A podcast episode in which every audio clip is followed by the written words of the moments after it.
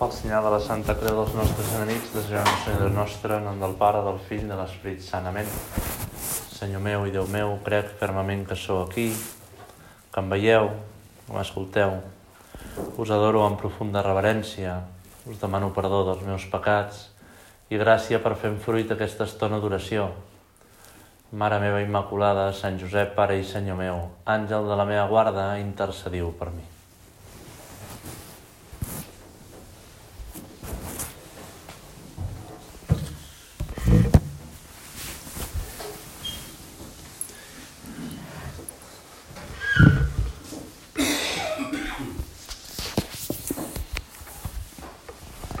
Llegim a l'Evangeli d'aquest quart diumenge del temps de durant l'any, el temps ordinari, un episodi a Cafarnaum, aquesta ciutat que tu, Senyor, havies escollit com a centre d'operacions.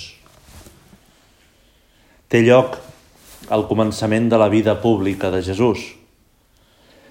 S'ha iniciat amb el baptisme del Jordà, les noces de Canà,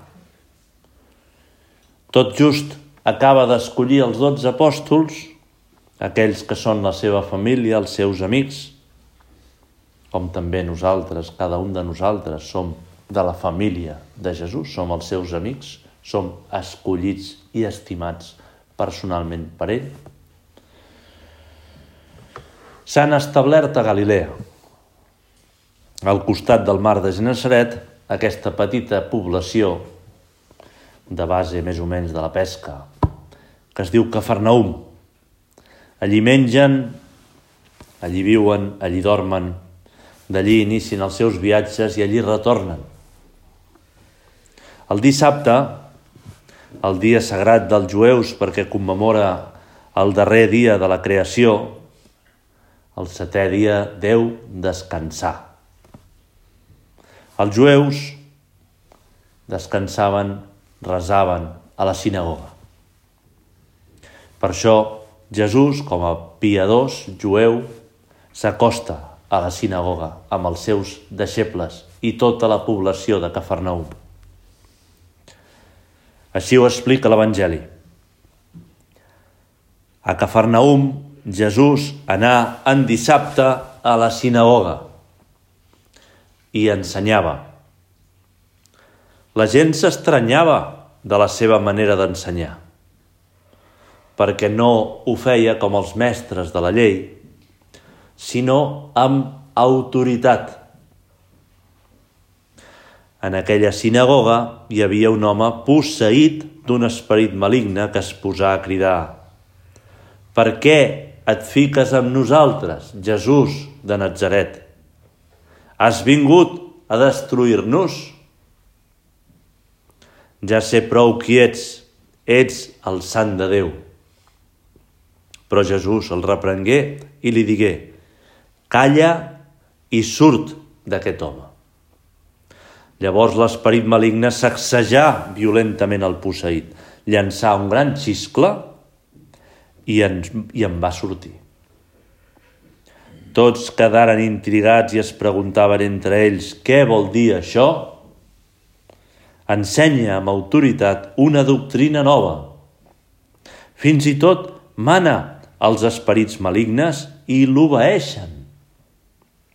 I aviat la seva anomenada s'estengué per tota la regió de Galilea. La sessió dels dissabtes a la sinagoga començava amb unes oracions, després amb la lectura d'un llibre de la Bíblia. Desplegaven un rotllo de la Bíblia i llegien.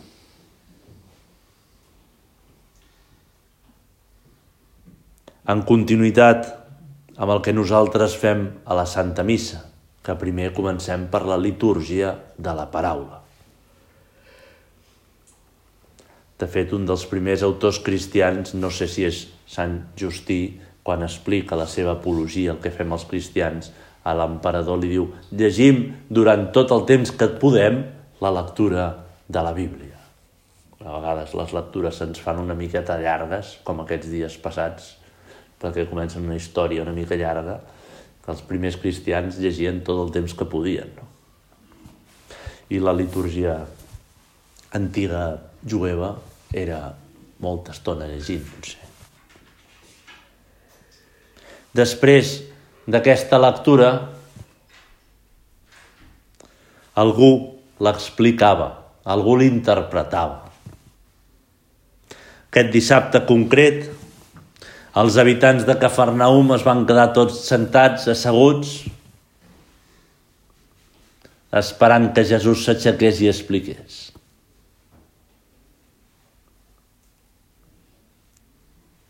Ja havia començat a fer miracles, ja havia començat a predicar l'Evangeli del regne, la necessitat de conversió, havien arribat veus des de Canà de Galilea de la transformació de l'aigua en vi. Tots es queden asseguts, ben asseguts, a veure si xerra el que ha de xerrar. Que ets tu, Senyor. Esperen que Jesús es parli, que reveli qui és, que parli clar. I Jesús ho fa. Jesús es posa a parlar. També nosaltres, quan t'ho demanem, tu, Senyor, parles. Quan una persona està disposada a escoltar la teva veu, tu li parles. La gent s'estranyava, diu l'Evangeli, de la seva manera d'ensenyar, perquè no ho feia com els mestres de la llei, sinó amb autoritat. Autoritat. D'on ve aquesta autoritat de Jesús? I un pot pensar, doncs, ve de la seva coherència, ve de la seva, de la seva expressivitat, de la saviesa del discurs. I en part sí. Però no és el principal. Els mestres de la llei, l'autoritat que tenien els que explicaven les escriptures normalment, feien referència a altres rabins famosos que havien publicat sentències i explicacions. Rabí tal va dir això. En aquestes circumstàncies, el rabí qual va dir això altre. I d'aquí treien l'autoritat? De la memòria d'un altre rabí que havia dit una cosa. Molts cops, però, acabaven en la casuística. En aquests casos s'ha de fer això per tal i qual. Acabaven explicant unes lleis sense mirar a l'autor de les lleis. Acabaven explicant una, uns actes sense estar als ulls de Déu. Cada cop hi havia més escoles rabíniques, més interpretacions. Deien, per exemple, sentències rabíniques que ens han arribat. Si un home és estranger, no és el teu pròxim.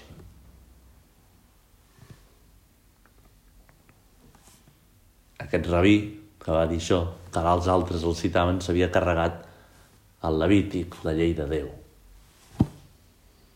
Si un home ha nascut al mateix carrer que un leprós, s'ha de considerar impur. Fins on arribava, no? Un altre rabí. Si una gallina posa un ou en el carrer on hi ha hagut un leprós, aquell ou no es pot menjar perquè és impur. Tot això era casuística i perdia la mirada de l'autor de la llei. Tanta casuística feia que deixessin de mirar Déu i miressin els casos, les coses concretes. El centre es desplaçava de Déu als homes. Sembla una miqueta exagerat, però això, aquest perill el tenim tots. Quan perdem de vista que estem davant de Déu. Quan ens fixem només en els manaments i no en el Déu dels manaments. Quan mirem només el que s'ha de fer i no mirem com afecta a Jesús o què espera Jesús de mi en aquesta situació. El tenim aquest parell quan perdem de vista que estem davant teu, Senyor. i ens quedem només amb la lletra de la llei, amb el compliment de les normes, amb l'aplicació d'uns criteris. Podem caure amb un conjunt de criteris que s'ha d'aplicar. I no mirar a Déu, que és el gran perill. No mirar-te Jesús a tu. Què en pensa Jesús de tu, de tu, d'aquesta persona?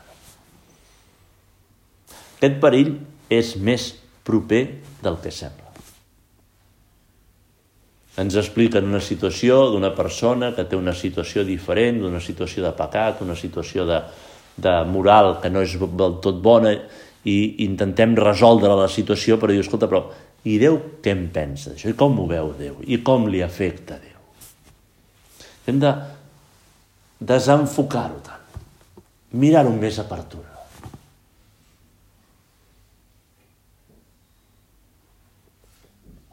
Podem caure en un fideisme, això s'ha de fer així perquè sempre s'ha fet així o podem caure en una casuística, segons si ho entenem o no, segons si entra en la nostra ment o no. Jesús, en canvi, quan a la sinagoga s'aixeca per explicar les coses, no ho fa així. No es recolza amb altres sentències i anar... Sinó que diu, heu sentit que se us va dir tal? Doncs jo us dic això. Aquí hi ha l'autoritat de Jesús.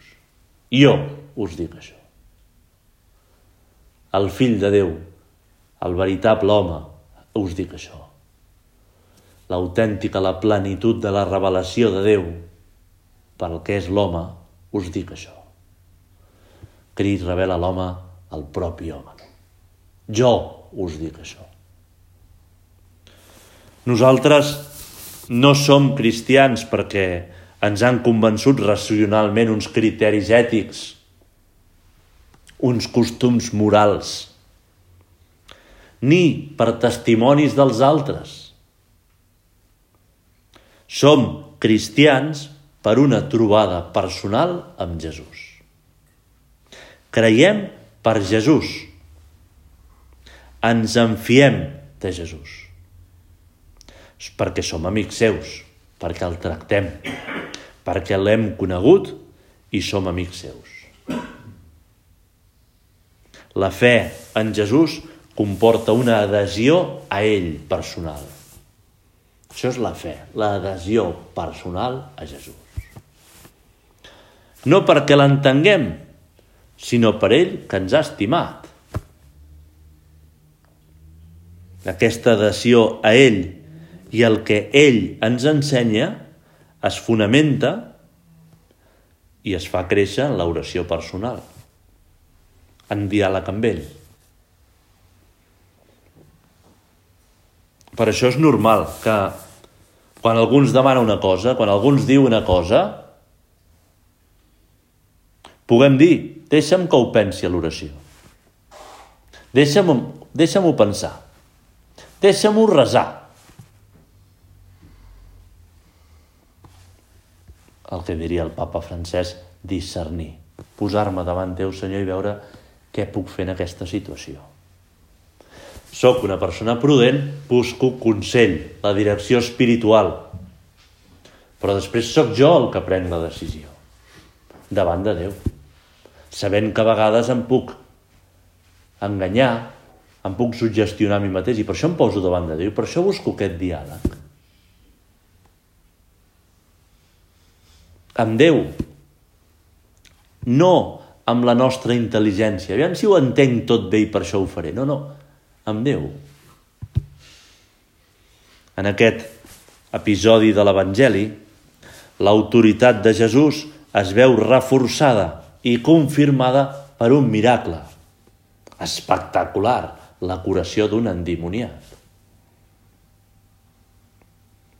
En aquella sinagoga hi havia un home posseït d'un esperit maligne que es posà a cridar. Devia ser una escena de, de veritat ja còmica, quasi, no? Per què et fiques amb nosaltres, Jesús de Nazaret? Has vingut a destruir-nos? Ja sé prou qui ets. Ets el sant de Déu.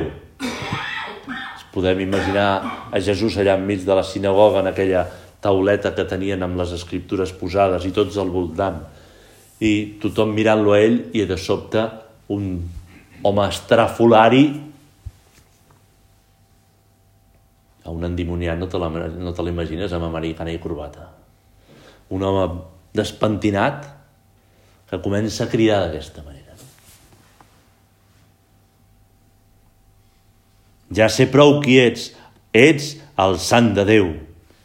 Jesús el reprengué i li digué, calla i surt d'aquest home. Llavors l'esperit maligne sacsejà violentament el posseït, llançà un gran xiscle i en va sortir. Nosaltres també ens trobem reafirmats per l'autoritat de Jesús. Però no només per un miracle, o per molts miracles, ni tan sols pel gran miracle de l'Eucaristia. No ens veiem reafirmats en la fe per una emoció, per una vivència emocional, per un sentiment profund, sinó perquè ens ha estimat fins a donar la vida per nosaltres. La convicció profunda que Jesús m'ha estimat fins a donar la vida per mi. Jesús ha mort a la creu per mi. I perquè tu m'has estimat així, Jesús, jo crec que tot el que tu em dius a través de la Santa Mare Església és veritat.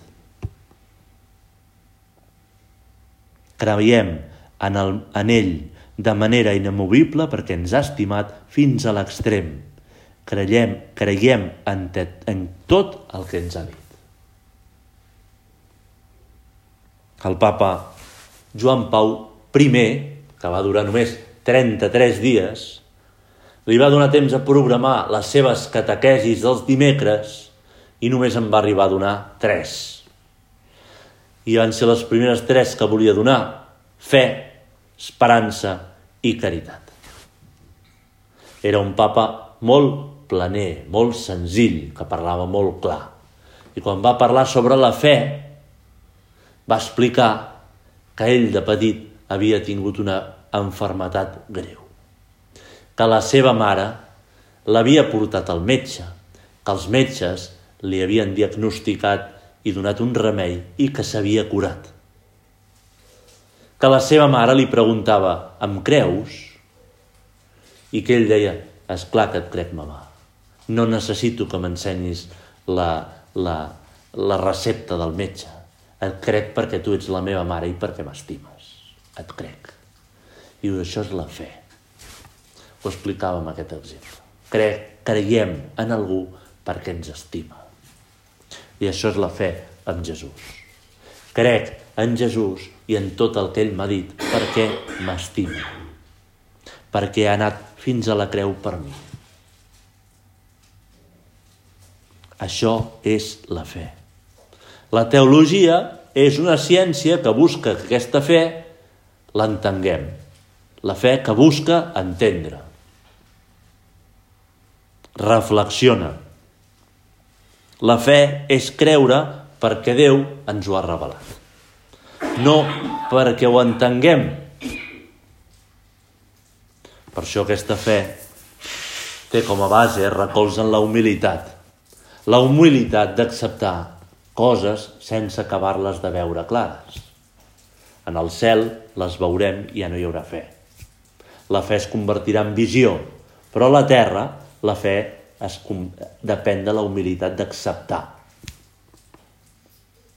Mentre la supèrbia posa el centre en l'home, que vol comprendre, que vol entendre-ho tot, la humilitat es deixa portar per Déu, es deixa parlar per Déu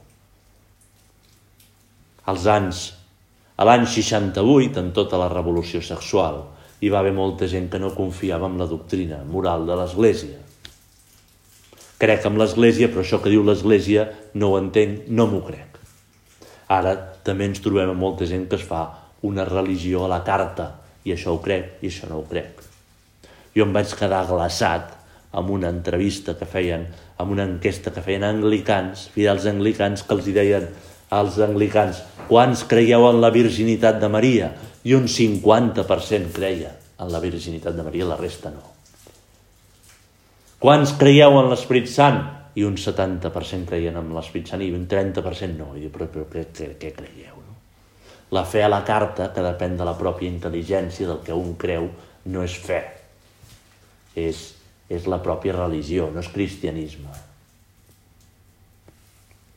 Això, a un nivell més matitzable, més petit, ens ho podem trobar amb cada un de nosaltres. Potser no ens carreguem cap dogma de l'Església, però sí que ens costa a vegades fiar-nos del que ens diuen a la direcció espiritual. O ens pot costar caminar, creure en tu, Senyor, quan veiem tot una miqueta fosc. Quan no ens surten les coses bé, ens costa creure que tu estàs darrere.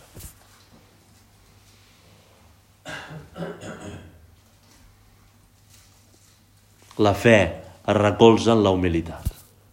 Nosaltres en sabem molt poca cosa, Jesús s'ha fixat en nosaltres, ens ha estimat a nosaltres. Però la societat que vivim ens empenta cap a l'altra banda. Ens empenta a creure'ns més del que som i això porta a filtrar en el nostre raciocini el que entenem del que ens diu el que comprenem. Si això que ens diuen és racional, podem posar-nos ara davant del Senyor en aquesta estona d'oració i escoltar-lo com escoltaven els habitants de Cafarnaum a la sinagoga i pensar si creiem en tot el que ell ens ha revelat. Si fem actes de fe, esperança i caritat a la Santa Missa com ens ensenyava el Sant Josep Maria, per creure més. O si, pel contrari, filtrem el que entenem si tenim una actitud humil d'apertura i, i acceptació del que ens diu o si filtrem. Una persona de... un amic meu em va enviar fa 4 o 5 dies una conferència testimoni d'un professor de Harvard. Es diu Roy Schoeman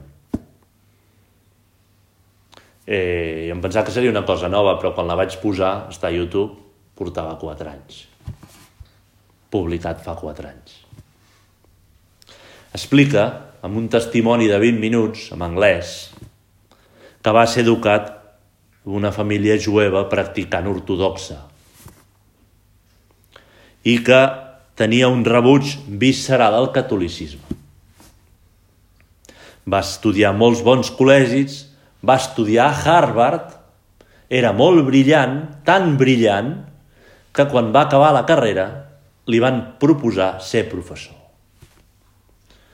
Ara bé, durant la carrera i els anys anteriors la seva fe s'havia anat diluint fins a caure en un ateisme. Hi ha un moment en què li proposen ser professor. Fins a llavors havia tingut una inquietud interior i diu, ara que em nombraran, ara que em donaran professor, em donaran un bon sou i faré el que m'agrada, tindré pau en l'ànima. I va entrar en una crisi profunda. Perquè justament al moment seu d'èxit major va trobar-se buit. Va trobar-se que no tenia sentit. Pensava que ara que ja ho tenia tot em sentiria ple i en canvi no, buit, foscor. va començar a buscar, va començar a parar-se, a pensar. I va trobar Déu. A poc a poc. Va trobar un sentiment religiós, després va trobar a Déu, va intentar discernir si aquest Déu era Buda, si era... quin era. I, i, i demanant que no fos Crist, que no fos Crist. I després, a través de la Mare de Déu, va arribar a Crist. va acabar sent catòlic.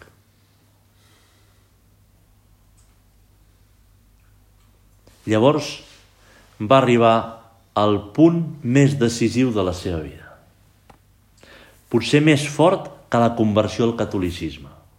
Se'n va donar que malgrat ser catòlic, que malgrat haver descobert la fe, que malgrat tot el que havia treballat, no acabava de creure tot el que diu l'Església. Malgrat tot el camí, no acabava de creure tot el que diu l'Església. I en el, en el testimoni dius, vaig tenir una gran vergonya de descobrir que no acabava de creure en tot. I llavors va fer una miqueta de pensament i va dir, per què crec? Crec per Jesús, no crec perquè jo ho hagi entès. Crec per Jesús. Crec per Jesús perquè m'ha estimat fins a donar la vida, per mi. Haig de ser capaç de sentir inclús quan no ho entenc.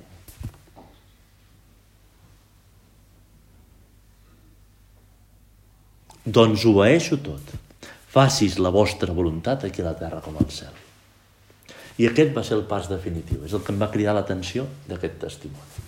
El pas definitiu va ser que al moment de foscor va ser capaç de posar el pas endavant perquè se'n de Déu. Això no ho entenc.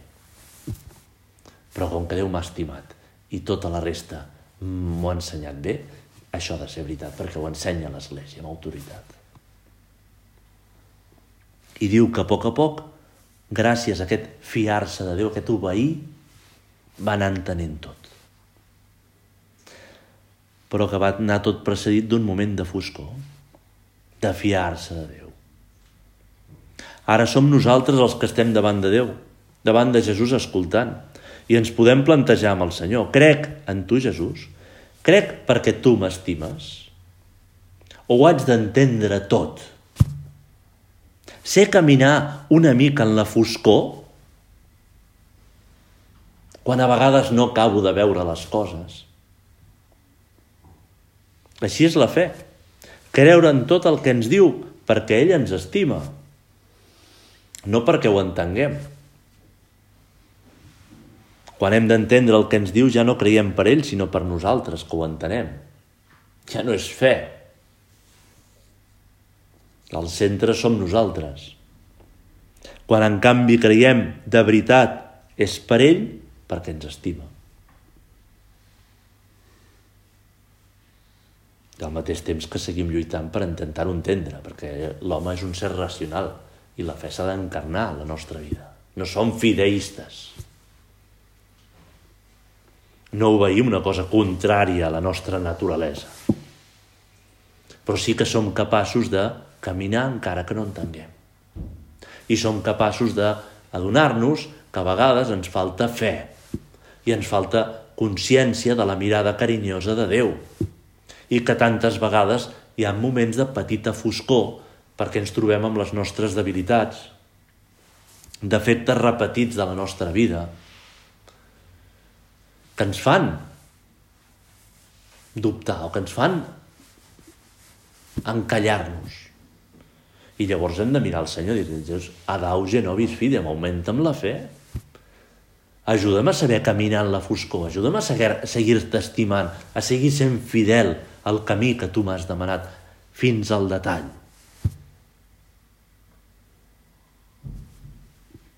Aquí aniríem Només tu tens paraules de vida eterna, podem dir-li amb si òpera. Aquí aniríem. Només tu tens paraules de vida eterna. I li podem demanar, Senyor, que sàpiga escoltar com em parles, que sàpiga obeir sempre, encara que no ho entengui del tot, que sàpiga caminar en la foscor de no entendre els teus camins, però estic amb tu, acabem demanant-li a la Mare de Déu. Ella és la que va tenir fe. Ella és la que va confiar en el que Déu li deia. Mare nostra, ajuda'ns a saber caminar, agafats de la mà de Jesús. Ajuda'ns a que creixi en nosaltres la fe. Domina, Senyora, augmenta'ns la fe.